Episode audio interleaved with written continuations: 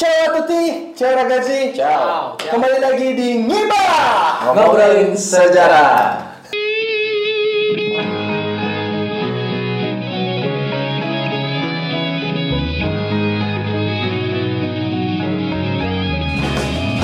Kok suaranya Ngomongin apa? ngobrol sih? Kok ngomong suaranya pelan-pelan halo? Eh, balik lagi di Ulgat Bogor Podcast. Yoi. Kali ini masih bersama gua Okta, Gua Flow, Masih sama Ferry. masih sama Ferry, masih kita bertiga. Kak Ferry. Belum ada lagi pergantian. Belum. Nanti kita lagi develop Belum ada juga. regenerasi. Betul, program-programnya juga lagi kita develop. Ya, kalian tunggu aja terus pantengin di YouTube channelnya dari Ulgat Bogor. Hmm. Apa kabar, Flo? Apa kabar ya? baik. Baik. Setelah Baik. tiga bulan kita Tiga bulan ya, lockdown. ya? nah, Iya, kita lockdown. Lockdown. Kita mengikuti Prokes. prokes. Nah, prokes Protokol kesehatan ya. prokes, prokes tuh kayak ini yang mau ribet. Nah, di ngibah kali ini kita akan ngebahas eh, seperti biasa. Mungkin kalian juga pernah ini ya bertanya-tanya kalau kita akan ngebahas pertandingan Milan melawan Verona. Lagi Iya, kebetulan. lagi waktu itu kebetulan karena ya. emang leg. Dua leg. Serie A selalu bertemu di home dan away. Ritorno namanya. Re- apa namanya? Ritorno. Ritorno. Pertandingan kedua. Oh, Ritorno. Kalau pertama kan Andata. Andata. Andata Ritorno. Nah, ini sekarang di pertandingan eh, Orang kedua. Itali nyebutnya Ritorno. Jadi Pokoknya kedua. putaran- putaran kedua tuh Ritorno. nah. Ritorno. Nah, ini ilmu baru juga. Baru mulai kita sudah mendapat ilmu baru mengenai Mantap. sepak bola Italia. nah, eh, ngomongin Hellas Verona di episode sebelumnya dan kebetulan episode terakhir Hellas Verona kita bikin. Oh iya ya. Iya. Jadi nanti Hellas Verona kebenaran. Verona. Emang kita gede banget sama Hellas sebenarnya. Jadi makanya kita langsung ngetetin. Ah, Pertandingan ya. lain nggak penting. Pertandingan. ya akhirnya kita gagal menang waktu itu ya. Iya. Ya, seri. Ibra Satu ngegolin sama. menit akhir. Menit akhir. Emang kalau kalaupun Dua kita- sama sih. Oh, dua sama sorry. kalau kita eh, flash flashback yang Ah. leg pertama itu sebelumnya yang kita bahas kan eh, Milan sama Hellas juga historinya nggak terlalu ini ya. Hellas tuh selalu jadi batu sandungan waktu itu. Ah iya, maksudnya secara Ya, histori secara histori, secara historisnya sih gitu ya. dia tim kuat juga meskipun Ya. di Italia sepak bola Italia adalah tim semenjana.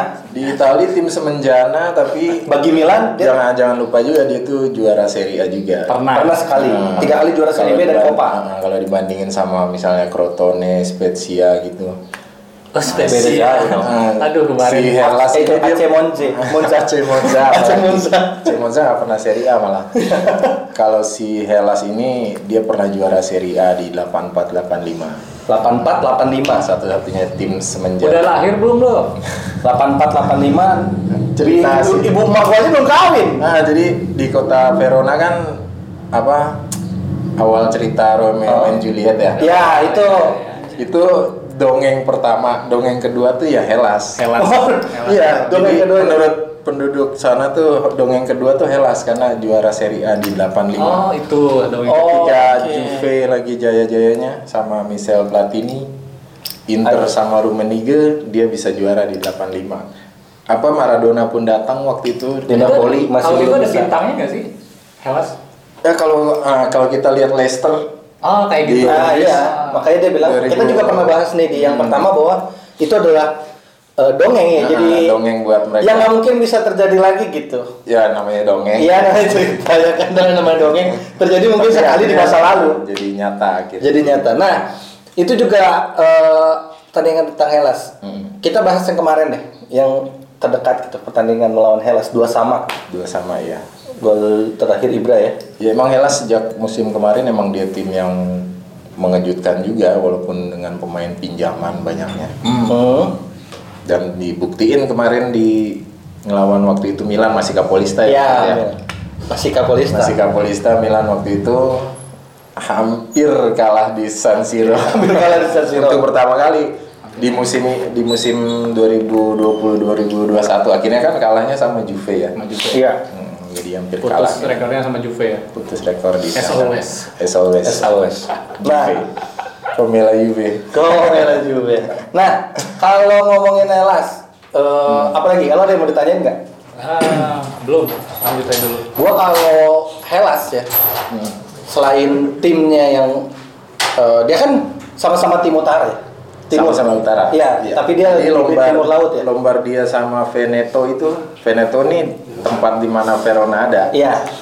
tetanggaan. Iya, tetangga. Jadi dia sama-sama dari utara tapi memiliki kultur yang sebenarnya yang gue baca sih dari yang riset yang gue baca bahwa Verona ini memiliki kultur Italia Selatan.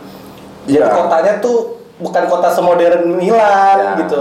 Iya. Dengan kota-kota lain gitu. Jadi dia tuh tim utara apa? eh, ya atau Tim utara yang ya kota utara selatan. bernuansa selatan gitu. Karena kita bisa lihat dari kelompok ultrasnya juga kan. kelompok Nah. Brigate. Giallo Blue. Nah, Brigade Giallo Blue tuh kalau dari yang gue baca bu, bahwa dia adalah eh, masuk dalam empat pertama ultras Iya. terorganisir pertama setelah Fossa de Leon, terus Ultras Sampdoria, Mhm. Ultras Boys, Tito, punya Inter, Ultras Tito, iya. Ultras Tito, terus baru yang keempat itu si Brigate ini. Brigate. ya. Benar, benar. benar. Kayaknya kalau bahas sekarang bahas ultrasnya kayak seru ya. Iya kan yang yang match pertama kita udah bahas match, klubnya, review. sejarah semua itu bisa ditonton di channel Nugat Bogor. Nah yang kedua ini tentang ultrasnya bu. Ya Ultras Kemarin kita belum sempat bahas soalnya yang. Belum mungkin Ultras kayak- Giallo Blu emang terkenal kerasnya emang mereka Keras, dari ya. tahun 70-an tuh kemunculan mereka awal ya. Hmm? Setelah Fossa kan baru muncul Boys kan, CM. Boys CN Baru muncul mereka. 69 ya? Boys. 69 Iya. Boys. 68-nya 68-nya kan, Fossa. ya. Walaupun udah nggak ada Fossanya. Iya. Dan dia masih bertahan ya? Eh CN nama CN ya? CN masih bertahan, Boys. CN tuh masih bertahan sampai sekarang. Mereka belum bubar kayak Fossa gitu. Kapan? Mudah-mudahan sih secepatnya. Kayak gitu juga, sorry nih. terus terus. Nah, CN jadi dong. CN si dong. Brigade Giallo Blu ini sejak awal 70 tuh dia 71 dia? Mm-mm, dari Berdiri itu awal eh 7 ya 71-an. dari awal 70-an tuh emang dia musuhnya di mana-mana. Apalagi dengan tim dua tim apa? Tim sebelahnya nih Lombardi, Ya. Ardi. Milan sama Atalanta sama Brescia tuh musuh mereka Musuh semua. mereka. Kurvasut, Fossa, Fossa dulu musuh bebuyutannya tuh Heeh. Si Brigade Giallo Blu ini. Nah, Brigade Oh, Giallo Blue nah, itu berdiri sedangkan- 1971. Nah, dan si Gia, Brigade Giallo Blu ini dia punya apa pertemanan dengan musuhnya Kurva Sud. Oh, CN. CN. CN 69. Hmm, walaupun dia break waktu tahun berapa gitu ya tahun Hmm. 2000 awal 2000-an deh mereka break. Hmm. Hmm.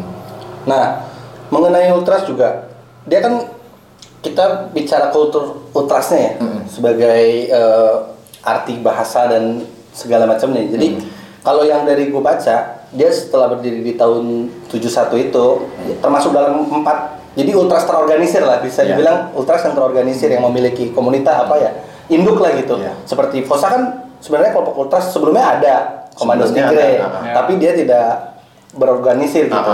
Belum Nah, si musuhnya dari si Jolo Blues sebenarnya tuh siapa sih? Si Lombardia semua kah? Atau memang ada yang dari selatan juga? musuh terberatnya tuh ya emang Fossa. Jadi Oh, memang sejak Fossa. sejak kejadian di 72 73 itu Hah? Fatal Verona. Oh, Oh, semenjak itu baru Ah, jadi ada ini ya. semenjak itu musuh tuh semakin semakin musuh lah. Kayak Nah, makin kencang lagi. 72 keselnya makin 73 itu. ya. Iya, Betul. makin makin Waktu gede. setelah pertandingan di 72 73 itu pas Milan kehilangan Scudetto di menit akhir kan. Hmm.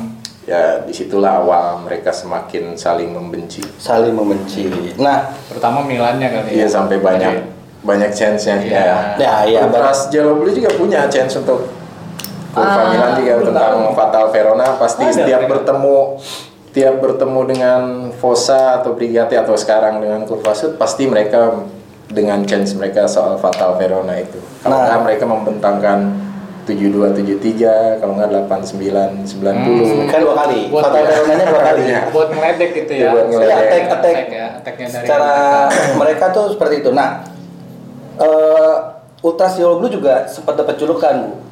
Liverpool of Italy. Jadi itu dia Oh. karena kan kultur ultras bersempingan beriringan lah dengan dengan karena kan hooliganisme. kan muncul di tahun 70 sampai 80. Iya. Hmm. Sedangkan eh, ultras di setelahnya gitu ya, kelompok ultras. Nah, itu kan sebenarnya sama-sama eh, fans sebuah klub yang memiliki totalitas lebih lah ya Ya, dibanding jadi fans fans biasa. dari bahasanya pun udah ketahuan ya. Ultras itu kan lebih kan berarti. Iya. Nah, melebihi beyond. Beyond bahasa Inggrisnya. Nah, itu juga jadi saking terkenal garangnya si Ultras Jolo dulu. Iya garang. Iya, ya, apa garang. ya bahasanya ya?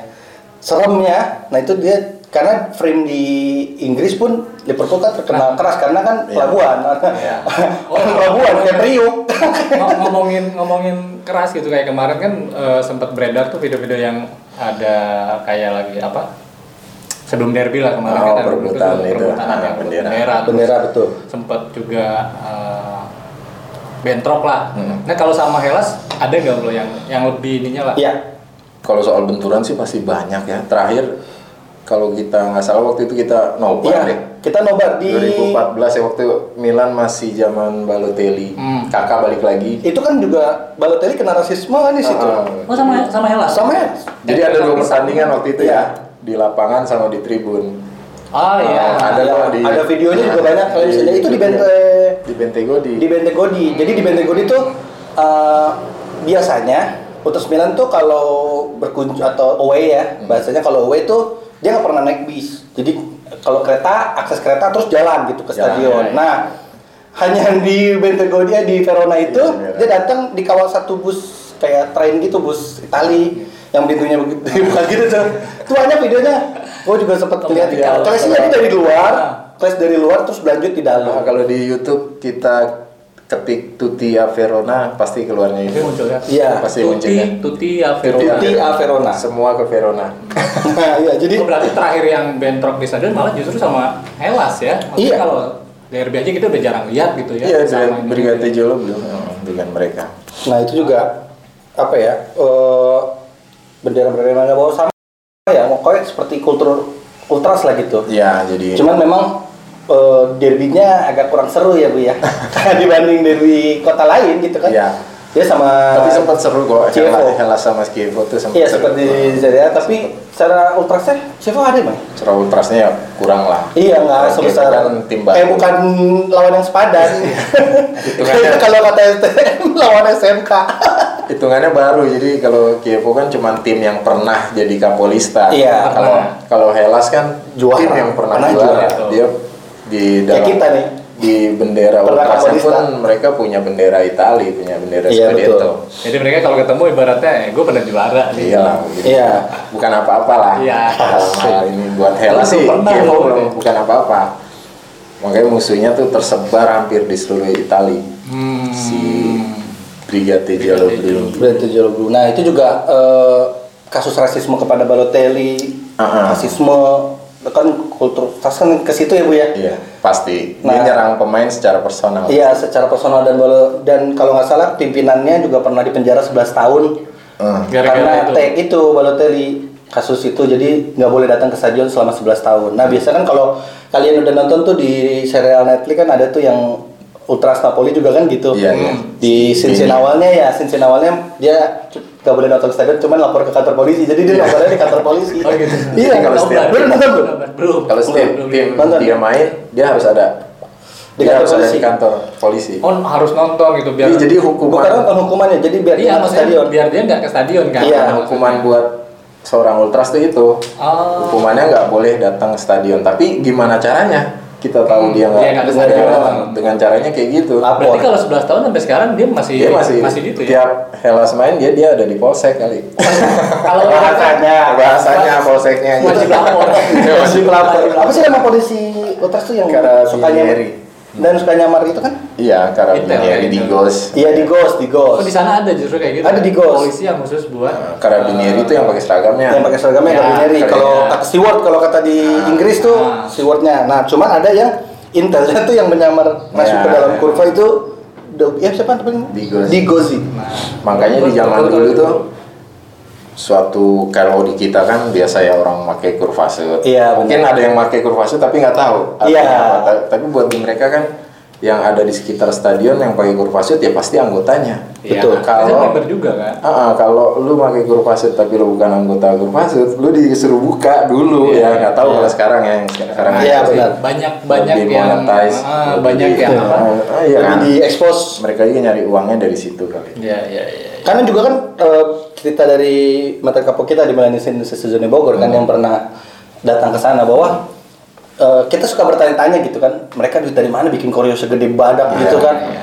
nah itu kan mereka jual shell di lorong-lorong Iya. masuk ke gate 14, Iya. ke gate-gate di Tapi cuma di situ ya, tuh. cuma di gate 4. Iya, jadi memang benar-benar eh, dan ya terkenal kan Ultras Itali tuh Ya. ya secara negaranya Itali sendiri juga Iya. masih belum terbuka sama budaya Rampa namanya. Iya. Tulisannya rampa. Rampa ya. Itu Rampa budaya- tuh gate. Oh gate ya, rampa. Nah, budaya luar kan masih belum masuk. Iya, nah, jadi- jadi, kurva juga jarang dimasukin sama orang-orang yang Nggak bisa dulu mah. Iya, dulu, dulu. sih nggak bisa. Justru setahu gue kalau dulu tuh kalau lu mau eh, nonton gitu ke stadion, itu udah kayak ada bangkunya sendiri gitu. Iya, jadi jadi lu kalau nggak datang nanti ada yang gantiin, Iya. nggak sembarangan Hmm, orang betul. gitu bisa. Jadi kita dari luar Oh, bisa gitu. seenaknya ke kurva tuh Iya, nggak bisa kalau iya. dulu. Mereka udah punya orang-orang yang untuk duduk di situ gitu. Nah, balik lagi ke Ultras Verona. Ultras Hellas. Ultras Hellas, sorry ya, Ultras Verona ada dua soalnya. Jadi Hellas tuh Verona. kalau kalau ini Hellas tuh bahasa Yunani ya. Jadi- Nah, itu juga pernah kita bahas nih, kita remindin sedikit deh. Jadi Verona tuh awal terbentuknya namanya FC Hellas. Jadi, FC Hellas. Ah, jadi pemuda-pemuda asal Yunani yang kuliah Kuliah di Nah, sana. ini juga mau bersisiran. kuliah di Veneto di kota Verona. Mereka mutusin bangun klub. Klub. Nah, mereka namain ya sesuai namanya lah. Yunani bahasa Yunani Yunani kan Hellas. Iya. Hellas. Jadi bahasa Nah, kalau soal di- Veronanya di mereka video tahun sebelumnya. tahun 29 tuh mereka merger. Merger, sama ya, betul, ada sama ada AC klub lokal Verona. AC Verona. Hmm, jadi mereka namanya Hellas Verona tuh hasil merger. Hajan Major. Nah, dan berdirinya si Brigate Jaloblu ini Hmm. juga di dalam uh, artikel yang gue baca otd.com gitu tulisan sana dan udah gue translate bahwa mereka tuh didirikan sama The Bar Olympia Borgo Venezia oleh dua pemuda dari ya itu karena tadi sudah dijelasin sama Flo itu kan uh, pelajar Yunani yang datang ke Verona untuk belajar. Jadi didirikan sama Gelora Muda. Jadi apa ya? Gelora Muda. iya Gelora Muda. Jadi Semangat muda. semangat muda. Jadi kalau misalkan ada 100 mahasiswa gitu yang berangkat dari Yunani ke Hellas kita cuma butuh 11, nah sisanya supporter tuh nah itu tuh iya jadi didirikan sama orang 16 apa orang berumurannya masih muda-muda sekitarnya Kayak baru berarti berkuliah jadi pengen berpartisipasi tapi dia nggak bisa main bola. Iya, jadi Itu supporter aja deh. Iya, 89 nya supporter ya, jadi supporter. jadi lo terus bikin gila itu.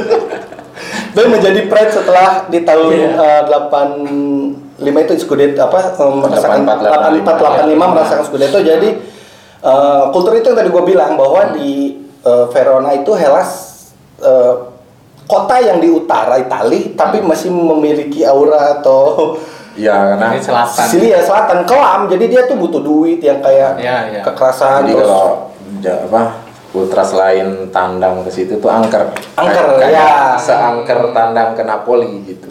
Jadi, Angker ya? angkernya sama. Jadi kereta. Waduh, bukan dong. Angker minuman dong. Udah sponsor dong. Nah, jadi itu juga yang apa membuat eh, budaya si ultras Keras. di itu kental kental gitu. Hmm. Jadi dia masuk kategori ultras pertama apa eh, dalam kategori ultras terorganisir ya yang pertama. Jadi Awas lah ya. Ah, lawas. Malah sebelum ada fans-fans Juve kan Vicky Milano terus Iya. ada Mereka Brugge itu mereka sudah lahir gitu. Sama Sampdoria kalau nggak salah satu ya. Tadi kan Iya ultras Tito. Trastito namanya. Nah, itu eh, jadi ini yang kuat lah di tahun 80 apalagi pas mereka Scudetto itu makin gede. Jadi tapi ya itu semangat awalnya adalah semangat anak muda yang dibawa gitu. Napoli ya. Sama kayak Juve kan juga sebenarnya kan dibentuk sama Dibentuk mahasiswa kan. Kalau kita kan pekerja buruh. Kalau Kaskiapi. Kasyafi. Obeng. Bahasa itu kalau gue tadi Kasyafi obeng. Sebenarnya itu kurva itu bahasa Milan sebenarnya. Bahasa Milan. Nah, jadi kalau kas, ka- bahasa Italinya tuh Cacciavite. Kasyafi. Jadi bahasa Milannya Cacciavite. Jadi kayak di kita aja mereka juga punya logat. Iya punya. Kalau bahasa Indonesia ada bahasa Jawa, ada bahasa Papua. Kan jadi sebenarnya Sunda. Itali itu kan hurufnya hidup ya. Hidup. Nah, jadi Hmm. Cacciavite. Iya, benar. Kalau di Kan- Milan malah dimatiin gitu. Ah, ya. soalnya kan ada sejarahnya Milan tuh pernah dikuasain oleh Prancis kan. Kalau Hmm, Prancis kan Prancis kan mati. Jadi Mati, ah, di- Bonzo. Bonzo.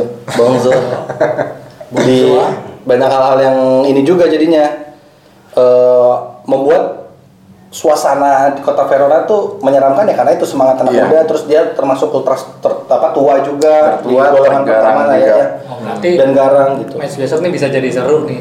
Seru Dan juga. kita bertandang. Tandang, itu. ya? Yang Iya, jadi Verona. seru adalah kita bertandang ke Bentegodi. Iya, pasti kalau kita buka situs Kurvasut juga pasti di situ ditulis Tutia Verona. Pasti. Iya, kita semua berangkat Pasti mereka Verona. punya selalu punya slogan itu semua ke Verona. Gitu. Cuman masalahnya kan masih pandemi. Iya. Iya. Nggak ada, pasti nggak ada. dong. Pasti sih mereka juga nobar lah. Iya. Kalau nggak nobar ngiringin doang berangkat. Nah, Nganter-nganter. nganter nganter kayak waktu itu derby kan beberapa kali pertandingan juga nganter. Malah terjadinya di luar stadion ya bu ya. Iya itu jadi masalah juga di sana. Jadi masalah juga di sana ya. Nah, Oh sempet ya itu Iya, kemarin. ya? berkumpul orang segitu banyak kan. iya. Nah, udah bahas tentang ultrasnya. Terus pertandingan Verona juga udah sebelumnya. Mm-mm. Prediksi Se- atau melihat kekuatan Milan sekarang Tim Milan saat ini ya. Milan saat ini yang akan menghadapi. Iya, Milan sekarang kayaknya balik lagi ke masalah mental ya. Mental masih jadi masalah di Milan. Setelah tumbang secara tidak terduga oleh Spezia. Dono. Bener-bener tanpa shoot on goal pula. Tanpa shoot on goal. Gila, sampai kalah 2-0 tanpa shoot on goal.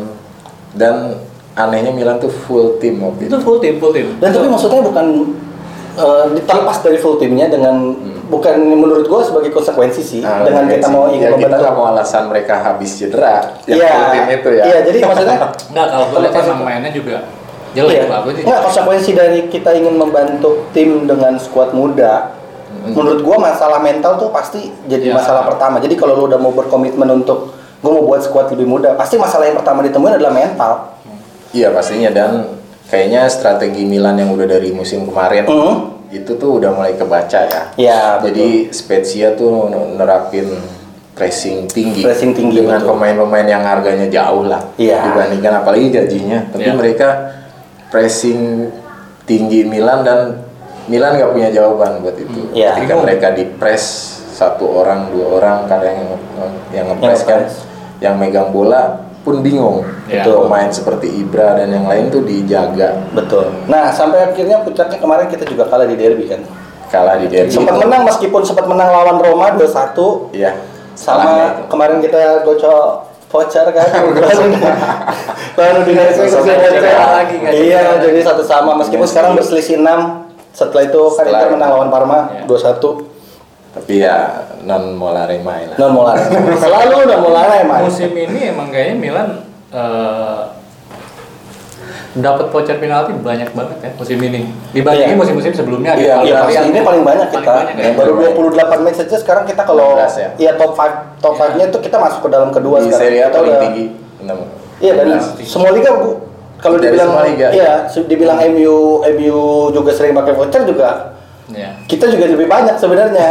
Cuman mau gimana itu Tapi kan penalti adalah bagian dari per- permainan. Permainan. Berarti kan kalau ada penalti kan berarti dia menyerangnya lebih banyak. Iya, pertama itu yang kedua kalian sirik saja. Yang jelas kalau bola kena tangan bukan niat pengen penalti dong. Betul. Iya. Kalau itu kan speednya lupa. Indonesia. Iya. Mungkin dulu dia pemain panik kan dia panik udah menit 95 soalnya kan itu juga yang disorot sama pelatih Udinese kan bahwa Ya. Penalti itu udah 90 menit gitu udah lewat dari injury time yang dikasih Salah siapa semua. pemainnya kan? iya tapi kan posisi nyerang balik lagi rules of games-nya adalah kalau lagi nyerang tidak boleh diberhentikan Iyalah nggak boleh. karena itu bagian dari peluang juga kecuali kalau bola sudah dimuntahkan ke tengah baru wasit boleh meniup Kemarin gol di menit 97 tuh yang terakhir ya. Yang Iya. paling akhir. Paling akhir, betul. Yang terakhir tuh waktu Zapata. Iya, lawan Inter dua satu eh dua sama itu bikin seri juga ya. Sama. Sama ya benar posisinya pakai kaki. Jadi itu gol Milan paling akhir di menit 97 tuh terakhir 96 kan? Ah, yang waktu betul. lawan Inter. Lawan Inter ini, 96. ini paling terakhir. Paling terakhir. Terakhir lagi. Nah, prediksi tadi sudah kita lo yang mau Prediksi disampaikan lagi nggak? Melihat kemarin draw ya. Kemarin Ah, Milan. Lawan Sekarang bisa menang lah walaupun Tipis. tipis. tipis, tapi di Bentegodi. Di Iya, Bentegodi pun punya- emang punya rekornya rekornya Di mana? jelek ya di sana. rekornya lumayan jelek sih. Milan salah satu di Bentegodi itu selain di kandang Juve dan di kandang Inter, Inter. di Bentegodi itu Milan Kandang Inter yang juga kandang merah. ya, ketika Inter jadi tuan rumah ya, ya, jadi Milan kalah banyak tuh di kandang Juve Juve, Inter. Inter, dan dan Di di Bentegodi. Verona Iya, dari skor. Kalau bicara tadi prediksi lo bisa menang. Skor Satu dua lah. Satu dua. Siapa yang Ibran. Ibra? Eh cedera ya? Cedera, nggak bisa main. Manjukic juga masih cedera. Manjukic masih cedera ya. Kanoglu. Si Leo. Lebi. Leo. Leo. Leo yang golin. Leo golin. Dua satu dari Flo. Prediksi eh, Hellas Verona melawan Milan eh, di Bentegodi. Kalau lu Gue kayak optimis menang juga 2-0. Prebik masukin. dua kosong tapi Pe. Malah ya, di 2-0. Bentegodi. Lebi bisa main sih. Iya. Lebi bisa main. Tonali juga main. Tonali mas udah, udah kemarin cuman keram doang kali ya. Keram doang kali pahanya. Kurang pemanasan. Enggak karena dari kemarin beberapa match sebelumnya kan udah ibaratnya terkoyak-koyak nih. Terus terkoyak-koyak. Jadi kayak ini yang yang eh, match besok nih kayak Hmm? bakal di mentalnya bakal di push dipus lagi lebih dan lebih baik lagi menang. pastinya diharapinnya ya. dan mudah-mudahan bisa jadi eh Soalnya Inter ketemu baik. lumayan berat ya Inter ya. Hmm. Di- walaupun di oh Siro. ketemu siapa ya? Inter tuh kemarin Parma kan terakhir Sekarang kita beda berapa poin sih? 6. 6 6 ya. betul 6 poin jadi Juve eh, ketemu Lazio sih. ya Juve ketemu Lazio terus Inter sih. wah saya tidak mengikuti Heeh sih. Dan malas. tidak penting juga Iya. karena Ya, menurut benar. Libra kita akan bisa balik lagi ke Iya, puncak dia kemarin optimisme itulah yang kita pegang ngomong di Sanremo dia. Iya di kembali. ya Sanremo jadi yang diserang sama itunya kadang setiap lima menit sekali ngomongin Inter Scudetto eh apa Inter sorry Inter. Capolista Inter Capolista dia bilang karena dia belum pernah merasakan baru ngerasain waktu bilang juga awal musim kita kemarin. tiga match tanpa terkalahkan kan juga kita ngomongnya Capolista kita Capolista Iya. Iya, pastinya. jadi dia baru naik baru tiga match naik wajar lah masih ngomong Capolista tapi kita Euforia lihat lah. euforia Euforia. tapi kita lihat siapa Scudetto-nya ya. Juve dong pasti Panitia Liga. Halo panitia Liga. Oke, Milan lah pasti Milan Jarang-jarang 10 soalnya. Iya, jarang-jarang 10. Nah, beruntun. itu uh, pembahasan kita di episode ini. Hmm. Terima kasih Flo. Makasih deh, sama-sama. Terima kasih uh, Sama-sama, Ferry. sama-sama. Kita juga mau ngingetin uh, ini kita akan uh, yang pasti sebelum match jangan lupa saksiin uh, match Milan melawan Hellas Verona juga Hmm, di, di- hari Minggu ya jam 9. Jam 9 kok prime time. Ah, nah itu juga kalau nggak salah uh, Miss Bo nggak ada nobar, tapi nanti bisa dicek lagi di @misses Bogor di Instagramnya. Atau kalian juga bisa mention mention di uh, Instagramnya Twitter Bogor bisa, ya, atau ya. Twitter Ulgat Bogor juga @satu Ulgat Bogor. Hmm. Ya, oke terima kasih Flo, terima kasih Ferry. Sama-sama. Uh, terima kasih semua sudah stay tune di Gibah. Sampai ketemu lagi di episode selanjutnya. Ciao a tutti. Ciao. Ciao. Forza Milan. Forza Milan.